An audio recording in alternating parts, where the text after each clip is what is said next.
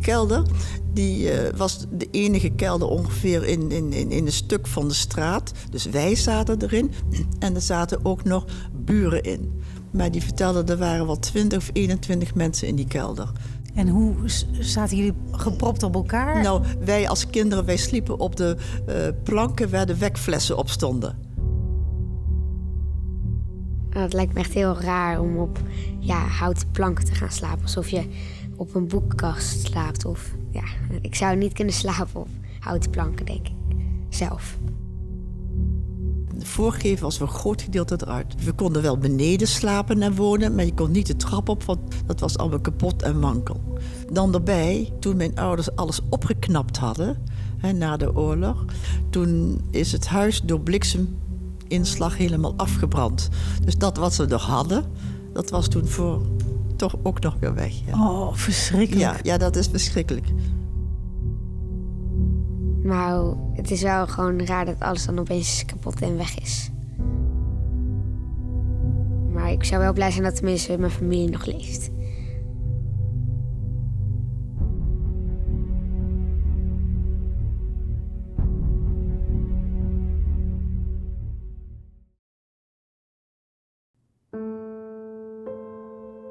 Je luistert naar de podcastserie Ik Kom Terug. Waarin je verhalen hoort van de ruim 100.000 mensen die de slag om Arnhem hebben meegemaakt. In 1944 moesten ze hals over kop hun huis verlaten.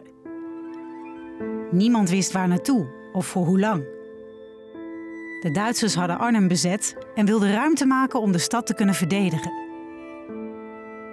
Mijn naam is Linda Geerdink en ik sprak 20 ooggetuigen met ieder een eigen litteken. En omdat vrijheid niet vanzelfsprekend is, geven we hun verhalen door aan de jeugd van nu. In deze aflevering het verhaal van Louise Helmich uit Husse door de ogen van de 11-jarige Nieke. Samen met illustrator Hester van der Grift maakte zij een tekening voor Louise. Ik ben Niek, ik ben 11 jaar oud. Nieke, waarom wilde je graag meedoen aan dit project? Ja, ik vind het gewoon heel heftig wat er gebeurd is. En ook de verhalen, gewoon ook interessant hoe ze toen leefden in de oorlog. Ik ben Louise Helmich en ik ben bijna 83 en ik ben geboren in Husse. Ik vind het belangrijk dat de kinderen en de jongeren het verhaal kennen om ook meer te kunnen begrijpen wat er nu gebeurt met vluchtelingen en evacuees uit oorlogsgebieden zoals nu in Oekraïne. Dus dat je dat kunt begrijpen hoe akelig dat is.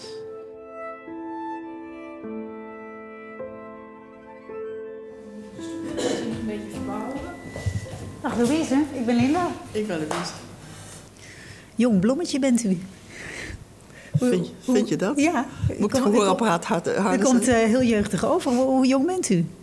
Ik, ik ben 82. En ik word- 82. ja, ik Wauw. word- We zitten in het Airborne Museum. Tegenover mij zit Louise. En Louise was vier tijdens de slag om Arnhem. Ja, 4,5. Een half jaar scheelt veel op een, op een, op een kleinkind. Ja. Ja, zeker in die tijd. In zeker die tijd, ja. Ja. Ze woonde in Husse op een fruitbedrijf. En toen Arnhem gebombardeerd werd, klommen haar ouders in de elektriciteitsmast op het erf om te kijken wat er aan de hand was. Wat zagen ze? Ze, ze zagen het bombardement eh, zeg maar op, op Oosterbeek en de omgeving. Eh, En ze zaten hoog, ze, ze durfden. En mijn twee oudere zusjes die stonden beneden op de grond. En die waren bang. En die zeiden, nou wat, moet, wat moeten we doen als jullie eh, doodgaan? En die hebben toen maar vast de rozenkrans gebeden. Want jullie waren met z'n vijven, Vier kinderen en vader en moeder. vier kinderen en vader en moeder. Ehm, wat hebben jullie toen gedaan? Meteen de kelder in? Nou, Realiseerden jullie als kinderen ook dat er iets ergs aan de hand was? In zoverre realiseerden we ons dat. Dus we hadden hele zorgzame ouders en we hadden een eigen kelder. Dus we gingen gewoon de kelder, de kelder in. Maar of we, dat, of dat acuut deden, ik denk het niet. Mijn vader en moeder waren toch een beetje vaaghalzen. En ze, waren, ze waren niet bang. Hè, niet, eh, en, eh, we hebben wel in die kelder gezeten met bombardementen. En we hadden ook nog een inwonende eh, huishoudelijke hulp. En op een gegeven moment zaten we in die kelder. Er was een bombardement en een granaat vloog in het rond. Is mijn vader samen met de huishoudelijke hulp de kelder uitgegaan, naar buiten gegaan om te kijken wat er gebeurde in de vechten. Ze hadden vrij uitzicht op, op Arnhem. En toen heeft de huishoudelijke hulp heeft toen een granaatscherf in haar schouder gekregen. Bloeden als een rund, dat moest verbonden worden. En ik had, uh, lag ergens een nachtjeponnetje van mij. En dus dat nachtjeponnetje is gebruikt om die wond te verbinden. En toen is ze vervolgens in Hussen ergens, ik weet niet waar, uh, op een bepaalde plek, is dat verzorgd. En kwam ze ook weer terug bij mijn ouders. Want ze was bij mijn ouders alle dagen in huis. Woonde in, zeg maar. Dat moet voor jullie als kinderen heel naar gezicht zijn geweest. Ja, ja naar gezicht. En vooral, ik vond het een hele mooie nachtjepon en die was ik kwijt. Dat vond ik nog wel het ergste. en uh, die, die kelder, die uh, was de enige kelder ongeveer in, in, in, in een stuk van de straat. Dus wij zaten erin en er zaten ook nog buren in. En die kelder die was hartstikke vol. En er kwamen ook op een goed moment nog soldaten die in het huis ingekwartierd zaten. Bij tijd en wijle, die kwamen ook die kelder in bij hevige bombardementen. Dat vonden mijn ouders niks, maar ja, en met hoeveel zaten jullie dan in de kelder? Nou, ik heb na de hand gehoord van iemand die, dat, uh, die erbij was. Ik was er ook bij, ik was klein. Maar die vertelde er waren wel 20 of 21 mensen in die kelder. En het was een kleine kelder. Dat was propvol. En hoe zaten jullie gepropt op elkaar? Nou, wij als kinderen, wij sliepen op de uh, planken waar de wekflessen op stonden. En die waren smal die waren zo, zo, zo breed. En, dus, als kind kon je wel op liggen. En dan had uh, mijn vader had er een heel klein latje of zo voorgetimmerd. dat we er niet van afkukkelden. Want als je dus omdraait en het is een beetje smal, dan val je naar beneden. En uh, ja, dat was nog eenmaal zo. Je moest dat en verder had je niks in te brengen. Ja, dus ze moesten schuilen in de kelder. En dat deden ze op de planken waar de wekflessen op stonden. Daar lagen ze dan op te slapen. Nou, het lijkt me echt heel raar om op ja, houten planken te gaan slapen. Alsof je op een boekkast slaapt. Of, ja, ik zou niet kunnen slapen op houten planken, denk ik. Zelf. En uh, een van die mensen was uh, heel erg oud. En uh, daar hadden ze een, een, gemakkelijke stoel voor neergezet. Dus die zat de hele dag in die gemakkelijke stoel. En wij als kinderen, wij lagen op die planken van de wekflessen. En ik denk, oh ja, er waren natuurlijk wel meer jonge kinderen die, die er ook sliepen. Maar dat, dat, dat weet ik niet meer. Ik weet wel dus dat wij erop lagen. En hoe zorgden jullie voor eten, drinken? Zat er in die wekpotten nog ja, iets? Ja, mijn moeder die kon wel boven gewoon eten koken. Dat, uh, dat ging. Maar, uh, en we zaten waarschijnlijk alleen in de kelder wanneer er bombardementen waren. Want je kon er natuurlijk niet de hele tijd propvol, als er niks gebeurde, toch in die kelder zitten. En die soldaten moeten op jullie als kinderen ook indruk hebben gemaakt. Ja, dat maakt dus indruk, want ik zie ze nog die kelder in duikelen. En ze mochten alleen maar op de trap blijven zitten. En uh, ja, mijn vader en moeder had niet het hart in hun lijf om te zeggen: eruit jullie. Ja. En waren het Engelse, Canadezen? Nee, het, dat, in mijn herinnering, want ze, mijn ouders waren daar te, op tegen. Dus het waren Duitsers. Duitsers waren, ook ja, nog? dat moeten Duitsers zijn geweest. Dat moet helemaal heftig zijn geweest, dat die dan bij jullie in de kelder zaten. Ja, dus ja, mijn ouders wouden dat ook niet. Maar ja, het waren Duitsers, het zijn natuurlijk ook mensen. Hè, die, uh, ja, die, zaten, die kwamen dus die kelder in, hadden twee of drie. Ze hadden nou eenmaal jullie huis bezet? Ja. Het duurde natuurlijk een aantal dagen, uh, sowieso, hè, totdat de Duitsers het bevel gaven om Arnhem te verlaten. Nee, eerst moest Arnhem werd geëvacueerd en Husse is een paar dagen later geëvacueerd. En eerst kreeg je dus die bombardementen op Husse van Market Garden met afzwaaiers naar Hussen. En toen na de hand, zeg maar begin oktober, 2 oktober, heeft toen Husse een geweldige aanval gehad op 2 en 3 oktober van bombardementen. En toen moesten wij ook evacueren, verplicht, wegwezen. En wat kunt u zich van dat moment nog herinneren? Dat, mijn ouders die hadden uh, fruitbedrijf, die hadden een, een wagen en een uh, stevige pony. En ik weet dus dat dat werd volgeladen met spullen. En wij zijn toen de volgende dag zijn we vertrokken. Wij, ik vond het als kind en mijn twee oudere zusjes ook, die vonden dat wel spannend. Een avontuur. Ja, dat een avontuur. We gingen met paardenwagen, gingen we weg. dat was avontuur. Ja. Niet wetende wat jullie tegemoet gingen. Niet weten. En we waren we vertrokken, dus mijn vader en mijn moeder, vier kinderen, een hond en, eh, de, en de huishoudster. En kunt u zich nog iets herinneren van het gevoel van uw vader en moeder en de huishoudster? Waren ze nerveus, bang? Nee, ik denk niet. Mijn ouders waren geen bange mensen. Nam u ook veel fruit mee, omdat jullie een fruitbedrijf Nee, hadden? nou, het fruit was toen eh, eh, eh, in een beginnende fase, maar het was rijp. En wat we hadden, dat namen we mee.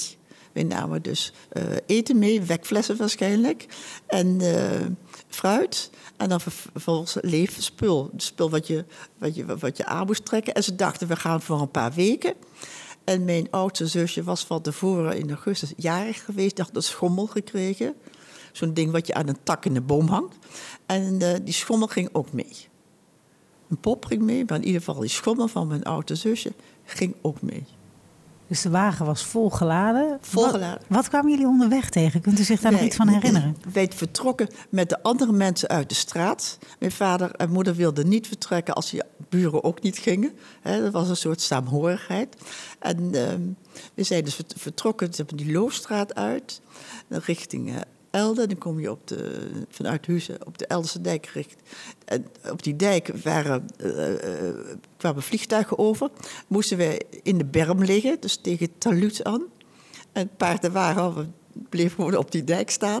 En dan lagen wij dus tegen de taluut staan aan. En dan die vliegtuigen voorbij waren. Nou, dan gingen we weer verder, dan trokken we verder met die, lachte- met die mudden. Ja, u lacht erbij. Ja. Maar het voelde nog steeds dus als een avontuur en een spel. Ja, weet je, kijk, ik ben een kind van vier. Dus, ja, je gelooft je ouders. Hè? En eh, die waren erbij, dus eh, die, die waren stoer. Ik had stoere ouders. Maar geen, geen, geen bange mensen. Ja, het wel heel eng. En om, als je daarin beel, je verbeeldt in, dat lijkt me heel eng om dat mee te maken en zo. Dat er ook vliegtuigen over je heen vliegen en zo. Dat je moet schuilen. Dus die stoere ouders die trokken door. Ja. En die kwamen terecht in. En die, kwa- dus, die konden dus nog de, eh, eh, de Rijn over. En of het of de, over de ene brug ging of over de andere brug, dat weet ik echt niet. Maar die zijn toen vertrokken, uh, doorgereden naar de Velperweg.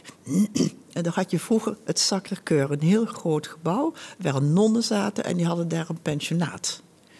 En, en daar zat een zus van mijn vader, die was daar non.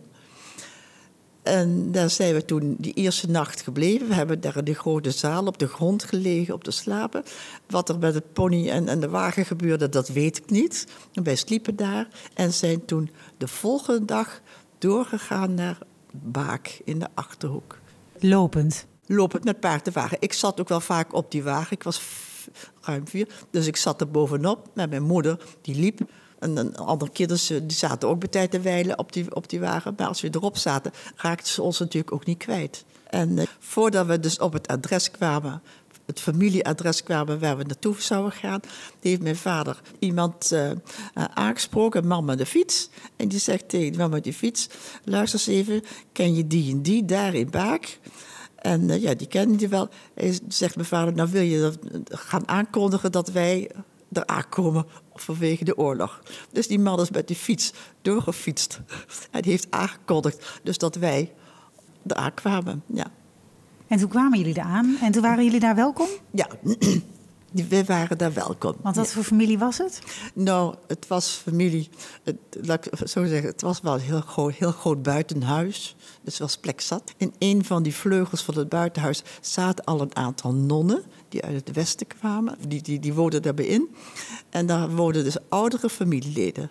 Zeg maar eh, van mijn. iets ouder dan mijn vader was. Ja, mijn grootvader die kwam daar vandaan, uit dat hele grote huis. En ze hadden natuurlijk toch als familie een soort zorgplicht. Dus we hebben daar toen een tijdje gezeten in Baak. En ehm, en toen, toen werd het huis geconfiskeerd door militairen. Ik dacht dat het Engelsen waren, maar dat, dat, weet ik niet. En toen zijn we, eh, moesten we verder naar Vierakker. Het ligt er een eindje verderop, naar een boerderij. En dan zijn daar in Vierakker zijn mijn vader en moeder... en mijn jongste zusje, die waren daar bij boerenmensen. En mijn twee oudste zusje en ik, wij woonden op een ander adres. Daar sliepen we althans. Jullie werden gesplitst? Wij waren gesplitst. Dus de drie oudste kinderen die waren bij, bij de ene boerderij. En dan sliepen we in een grote bedstee. Samen met, die andere, met de kinderen die ze zelf hadden. Eentje heette Willemien. En mijn vader en moeder en mijn jongste zusje zaten gewoon bij de boer... waar wij overdag dan gewoon naartoe gingen. Was dat niet moeilijk om uit elkaar gehaald te worden? Ja, maar ik was natuurlijk bij mijn twee oudste zusjes. Dus ik, dat, dat was dan niet zo'n punt. En ze hadden een dochter, Willemien, en die was ook van onze leeftijd. Ja, het lijkt me wel fijn, want je zusje zit alleen. Dat je gedeeld wordt lijkt me ook heel vervelend. En ook dat je met z'n allen in één bedstee moet slapen. Wow. En dan was je wel met je zusjes, maar zonder je ouders. Zou je dat kunnen? Nee, lijkt me echt niet leuk. Echt verschrikkelijk. Een beetje, nou ja, gewoon heel eng. En daar hebben wij toen een, een, een hele tijd gezeten. Daar in Vierakker? In Vierakker, bij die, uh, totdat de oorlog ongeveer voorbij was. En toen zijn we weer terug naar Baak gegaan. En kunt u een klein beetje omschrijven hoe die tijd in Vierakker was? Heeft u een fijne tijd daar gehad? Of? Nou, ik, ik vond het niet fijn.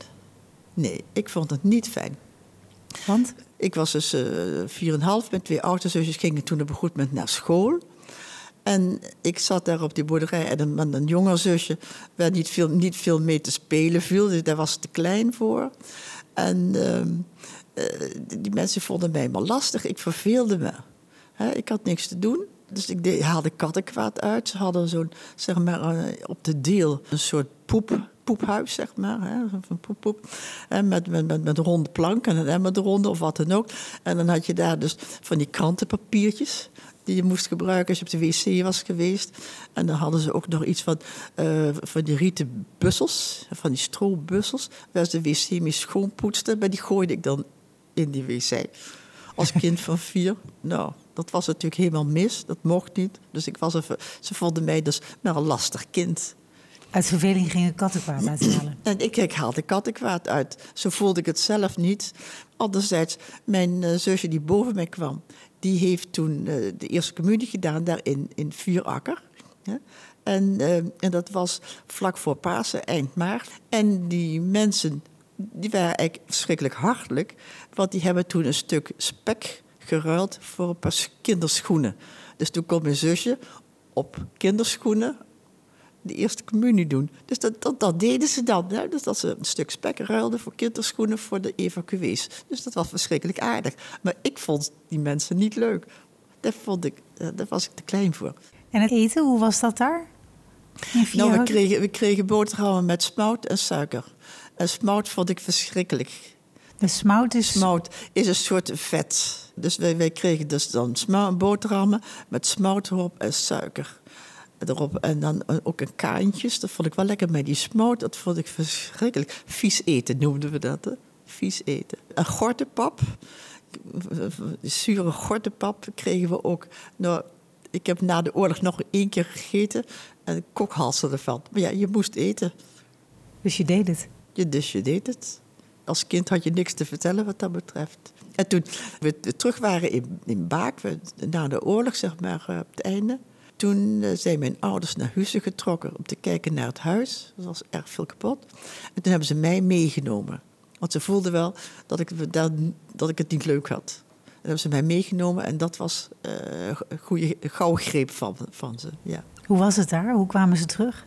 Ik denk dat mijn vader een keer van tevoren is gaan kijken. En um, het was een vrijstaand huis, een, een villa, een houten villa met een rieten dak. En de voorgevel was voor een groot gedeelte eruit. Nou, dat heb ik dus gezien. Groot, groot. En um, uh, we konden wel beneden slapen en wonen, maar je kon niet de trap op, want dat was, uh, dat was allemaal kapot en wankel. Dus er was weinig van jullie huis over? Ja, ja. Weinig. De kelder die was helemaal nog intact. Maar uh, de voorgevel was een groot gedeelte eruit. En veel dingen die er gewoon achtergebleven waren, ja, die zijn gestolen of kapot gemaakt. Of, uh, meubels, waren die er nog? Er waren wel wat meubels die ze in andere huizen hebben teruggevonden. Maar ze hadden bijvoorbeeld een heel mooi servies wat ze achterlieten. En dat servies, dat is gewoon door soldaten, momenten dat ze niks te doen hadden, gewoon allemaal kapot gegooid tegen een paaltje. Dus toen we terugkwamen, was er een paaltje, een houten paaltje, met al dat servies-gruzelementen. Behalve één schaaltje, zo'n aardbeienschaaltje waar gaatjes in zitten. Dat, dat, dat, was nog, dat was nog heel. En dat hebben mijn ouders jaren en jaren hebben ze dat nog kunnen gebruiken. Totdat het een keer ja, kapot viel. Maar het is wel gewoon raar dat alles dan opeens kapot en weg is. Maar ik zou wel blij zijn dat tenminste mijn familie nog leeft.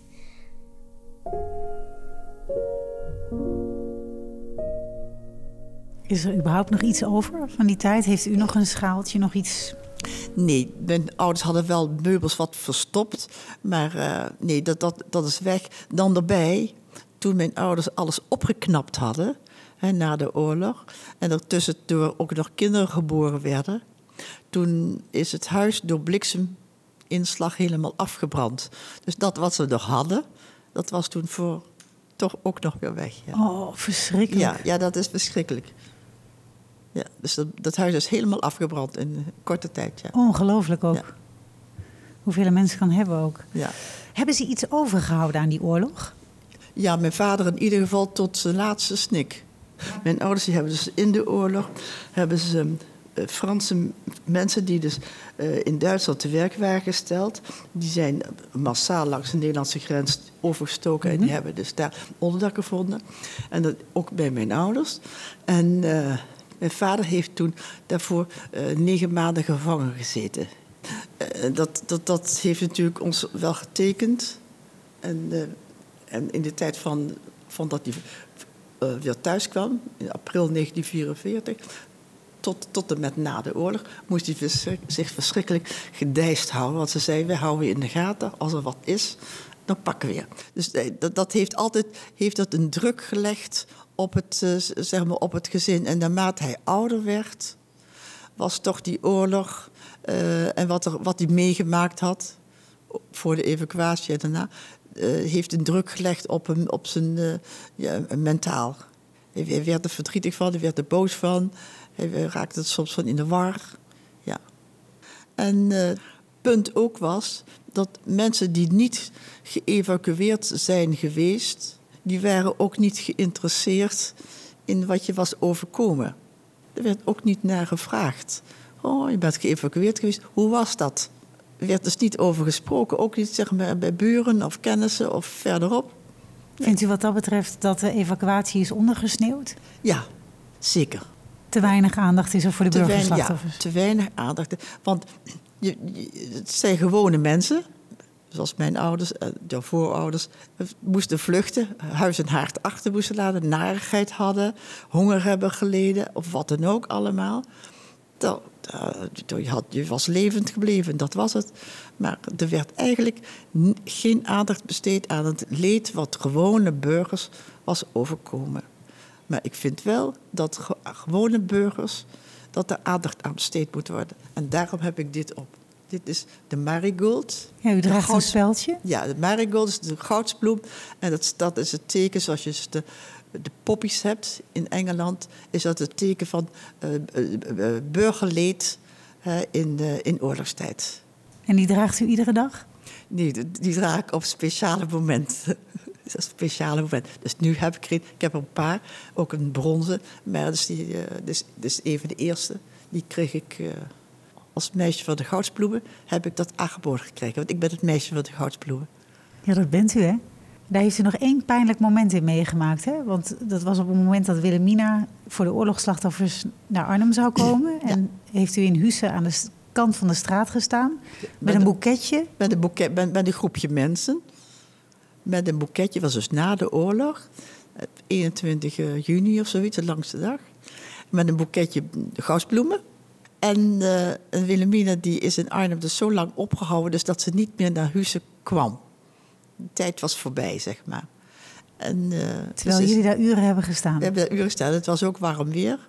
Mijn moeder was erbij, die was zwanger, die zat op een stoel. En mijn vader was weer naar huis gegaan, want die moest voor uh, het fruit zorgen. Ik kan me voorstellen dat ze boos en verontwaardigd het stoeltje nee, hebben ingeklapt. Nee, nee, we waren gewoon... We voelden alsof het feit dat ze komen zou, was het belangrijkste. Ja. En je voelde je toch eh, getroost, geop, opgetild. Dus dat er aandacht was voor je leed. En misschien dachten we ook wel, ach, misschien komt ze nog een keer, dat weet ik niet meer. Maar we voelden ons helemaal niet eh, teleurgesteld. Nee, het, dat was nou eenmaal zo. Ja, en u vindt dus dat er te weinig aandacht is geweest voor de evacuees? Voor het burgerleed, voor dus ook mensen in het Westen, of hongerleiers in, het, in, in Amsterdam enzovoort. Dus dat er te weinig aandacht is voor het burgerleed in oorlogstijd. En heeft u het dan vooral over een luisterend oor, zodat je het een plekje kunt geven? Ook. Ook. ook. En ook gewoon dus dat we dan zeggen, nou, op een bepaalde dag in het jaar is daar bijvoorbeeld aandacht voor. Op de televisie of radio is er voor mij wat aandacht voor. Van vandaag is de dag van de, van de burgers in de oorlogstijd, burgerleed. En dat, ik denk dus dat dat uh, voor, voor, die mensen dat het echt uh, rechtvaardig is. Is dat een goed idee? Ja, het lijkt me wel een goed idee. Alleen er is, volgens mij is er ook al een dag van de bevrijding en zo. Dus ja, maar ik snap wel wat ze bedoelt dat er ook een dag voor hun is. Want hun hebben ook hele heftige dingen meegemaakt. Denk je, Nieke, dat dit soort dingen helpen om ervoor te zorgen dat dit nooit meer gebeurt? Um, Zo'n project als dit? Dat we met jullie de verhalen bespreken, dat je hoort wat deze mensen hebben meegemaakt? Ik hoop en denk het wel.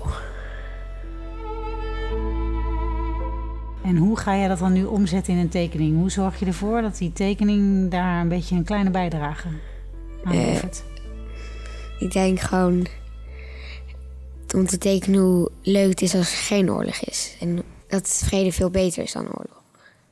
En met oorlog los je ook niks op. Je zei net al, weet je, je wil graag iets moois maken van uh, dat het belangrijk is om geen oorlog te hebben en ja. vrede. Maar zitten er nog dingen in het verhaal van Louise dat je denkt van dat vind ik ook wel mooi om in de tekening te verwerken? Um, dat misschien dat ze dan met z'n allen vluchten of dat ze bekogeld werden. Om dat erin te verwerken. Ja, dat was wel een angstig moment, hè? Dat ze ja. moesten wegduiken voor de vliegtuigen, de bomba bombardementen. Oké, okay, ik zou zeggen, pak een bord en ga er iets moois van maken. Ja, samen met Hester. Ja, mooi. Ik hoorde je al uh, heel veel uh, mooie dingen zeggen. Ook dat, vond ik, dat onthield ik van jouw verhaal. Dat je graag wil hè, dat, we, uh, dat vrede blijft. Hè? Of dat we vrede, zorgen dat er vrede komt. Misschien is het mooi om dat ook in je tekening te verwerken. Ja. Je hoort illustrator Hester van der Grift. Zij helpt Nieke bij het maken van het kunstwerk voor Louise. Maar inderdaad, het is ook heel mooi om, uh, um, om iets te verbeelden van het verhaal. Hè? Zou, zou dat samen kunnen in één tekening? Ik denk het wel. Ja, zonder dat we het onszelf, uh, of dat jij het jezelf te moeilijk maakt. Ze moesten natuurlijk uh, in die tijd schuilen in de kelders hè, voor de bombardementen, met name tijdens de slag om Arnhem. En dan lagen ze op de planken waar de wekflessen stonden. Oh. Weet je wat wekflessen zijn? Ja. Ja, dus daar moesten ze op, gewoon op liggen om te slapen. Ja, dat is ook wel heel raar. Misschien ook nog mooi om in je tekening mee te nemen. Ja. Misschien uh, lagen ze wel te dromen van vrede op die boekenplanken of op die kelderplanken. Ja, dat is wel een mooi thema, hè, die vrede. Vind ik ook hoor, vind wel mooi. Wat is het wat om, uh, om te, bijvoorbeeld een, een uh, meisje op zo'n plank uh, te laten slapen en te laten dromen van de vrede? Ja. Kijk, een vrede is een. Weet jij wel, hè? Symbool van de vrede is toch? Ja, ja witte duif. Ja. ja. Je mag zelf een kleur kiezen. Ik ga sowieso Ja. een bruin voor de kast gebruiken. Doe dat maar. Ja, eigenlijk is het gewoon een plank aan de muur, hè? Het is niks bijzonders. Zal ik vast een plank voor je maken? Dan ma- Ja. maak jij het kind erop? Ja. Ja? Kijk, en die, die zit dan met van die schappendragertjes aan de muren. Nou, hmm, ik weet niet of je dezelfde kleur wil of een andere kleur voor het kind. Eh, dezelfde kleur wel. Ja? Misschien een deken. Nou, ja, begin maar even met de hoofd. Vind ik altijd het fijnst. Nou, maar dat heb je wel goed gedaan hoor, zo.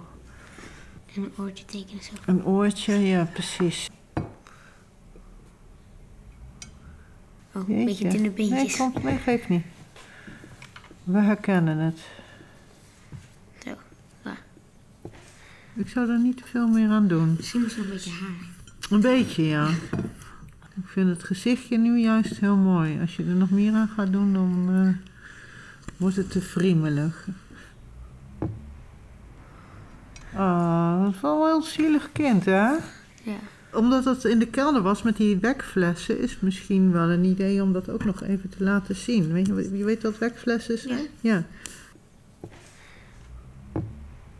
Ja, mooi. Precies. Ja, ook echt zo'n grote pot en dan zo'n klein kindje. Goed gedaan. Maar nou hebben we ruimte voor die droom, hè, hier. Oh ja. Ja. Wil je dat in een andere kleur doen? Oh ja. Dat is misschien wel mooi, hè? Juist een beetje fris kleurtje, ja. Bijvoorbeeld, het- is dit een mooie kleur voor de duif? Ja, dat denk ik wel. Ja. Kijk, ik had hier al even een stuk een duif geschetst, maar je, ja, je mag Oh, natuurlijk ook ik een, een duif gaan tekenen. nou ja, je, je mag ook wat anders bedenken, maar ik vind een duif eigenlijk wel een mooi symbool voor vrede. Ben je het mee eens? Ja, ik kan ook hier aan de zijkant een Oh, dan- achterop, ja. Of doen we die duif de goudsbloem in zijn eh, snavel? Oh, ja. Ja? Moet ik wel en nog een mooie duif gaan tekenen? Even. Snaveltje. Oh. Ja, precies. Ik vind die twee kleurtjes bij elkaar ook eigenlijk erg mooi. En? Goed gelukt? Eh, ja, heel goed. Vind, nou, vind ik zelf wel. Wat hoop je dat Louise zegt dadelijk als ze hem ziet? Eh, wow. Zo zag het er ook een beetje uit. Of ja, wordt mooi, hoop ik. We gaan het horen van Louise zelf. Nieke en Louise treffen elkaar in het Openluchtmuseum. De plek waar ze elkaar voor het eerst gaan zien. En daar zal Nieke ook het porseleinen bord aan Louise geven.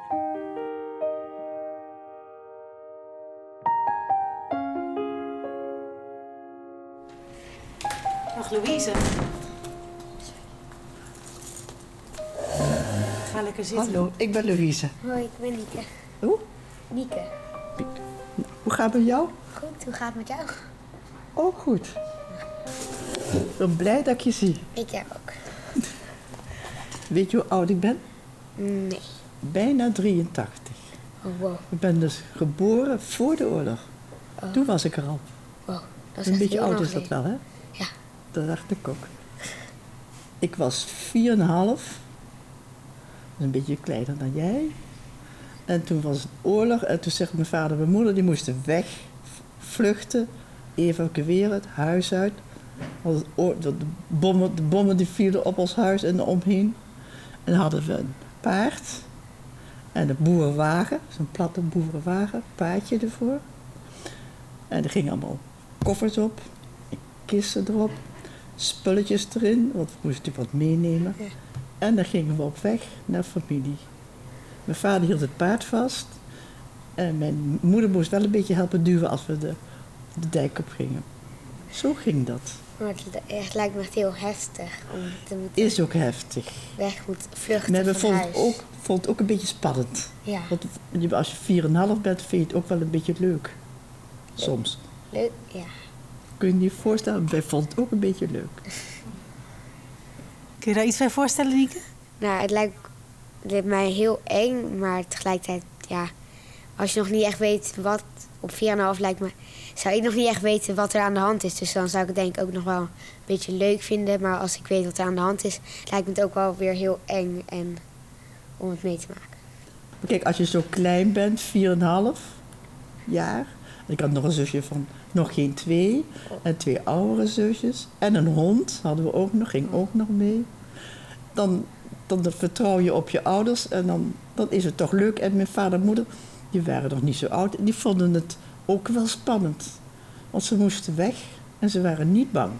Oh, wow. Ze zullen misschien wel zorg hebben gehad, maar dat konden wij niet merken. Nu heeft Nieke iets voor u gemaakt, naar aanleiding van uw verhaal. Ik heb dit bord gemaakt en ik heb een boekenplank met werkpotten gemaakt omdat je daarop moest slapen. En dan heb ik een, ja, een denkwolkje gemaakt met een vredesduif met een goudsbloem in de snavel omdat je van de goudsbloem Dat vind ik heel erg leuk. En je weet waar dat op slaat, die goudsbloem? Ja. Ik heb hem nou niet opgestoken. Dan steek ik hem wel eens op. Want het zou omdat ik genomineerd ben om te denken aan de evacuees, aan burgers in oorlogstijd. Dus gewone mensen, dus jij en ik en je vader en moeder. Hè? Nou, de oorlog komt eraan. En je hebt niks te zeggen, je moet gewoon weg. We deden niet mee, we hadden niks te in te brengen. Die oorlog overkomt de mensen. En toen zou de koningin komen en we zouden bl- goudsbloemen cadeau geven, een mooi bosje. Die hadden we gewoon geplukt langs de kant van de weg. En wat gebeurde er? Ze had het zo druk dat ze niet kon komen. En toen gingen we maar weer naar huis. Maar we waren er niet verdrietig om. Want we vonden het al fijn dus dat ze aan ons dacht. Gewoon dat ze, aan dat ze van plan was om te komen. Dat was het belangrijkste. Oh ja, dat lijkt me ook wel. Ja, fijn. En dat de koningin ook aan jullie dacht. En niet alleen maar aan de belangrijke mensen, maar ook gewoon aan, ja, normaal. Ja, iedereen is belangrijk, maar ook aan de normale mensen. Ook aan gewoon, dat ze ook aan gewone mensen denkt. Ja, Ja, dat, dat is ook heel belangrijk. Dat is nog belangrijker dan die belangrijke mensen. Want die belangrijke mensen, die komen er wel. Maar gewone mensen, die delven soms het onderspit. ja. Oké. Ik ben hier heel blij. Ik vind het heel erg mooi. En dat heb je dus zelf zo gemaakt. Ja. En kan ik het eh, ook gebruiken? Of is het om aan de muur te hangen? Eh, ik weet niet zeker of je hem kan gebruiken, maar je kan hem denk ik wel aan de muur hangen. Ja, ik vind het heel erg mooi. Ik ben er ook heel erg blij mee. Ik hoop dat ik nog heel lang leef en dat ik er nog heel lang naar, kan kijken. Hoop ik ook. Maar ik vind het leuk dat ik jou gezien heb. Ik, ja, ik zou het echt nooit vergeten. En ja, het mag ook niet vergeten worden. En Misschien ook word je wel heel oud. Worden. Ja, Word je ook 83. ik hoop het wel. En je kunt een keer een spreekbeurt houden op school erover. Over wat je hier nou beleefd hebt. Ja, Is dat wat? ja, zeker. Goed. Dan geef ik jou een hand. Dank je wel. Alsjeblieft. Ik vind het prachtig. De grote bloem voor de vrede van Nieke. Heel toepasselijk. Je luisterde naar de podcastserie Ik Kom Terug. Wil je het kunstwerk van Nieke zien? Volg dan Ik Kom Terug op Facebook of Instagram. En wil je meer evacuatieverhalen horen? Luister dan in je favoriete podcast-app naar meer indrukwekkende herinneringen.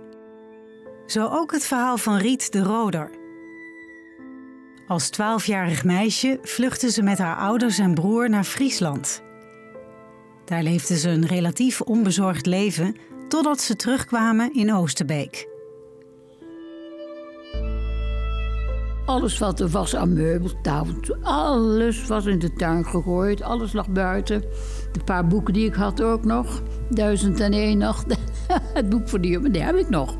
Met vochtpillekken en alles. Dus eh, het was helemaal kapot. Alles was kapot. Alles was kapot. Dat is een hele grote rommel. Dat is niet fijn. En daar zou je niet in kunnen wonen. Ik zou daar niet gaan wonen als ik daar was, maar ik zou het opnieuw wel kunnen bouwen als ik spullen had. Maar die hadden ze niet.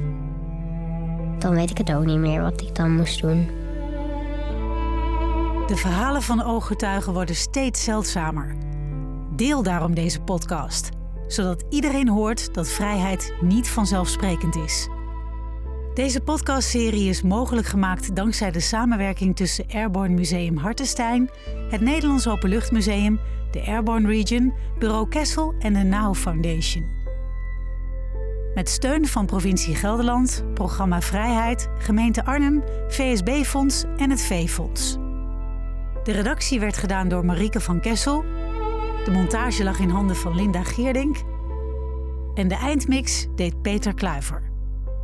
Wij hopen natuurlijk dat veel mensen gaan luisteren en daarvoor helpt het wanneer je een recensie achterlaat bij Spotify of Springcast. Graag tot de volgende aflevering.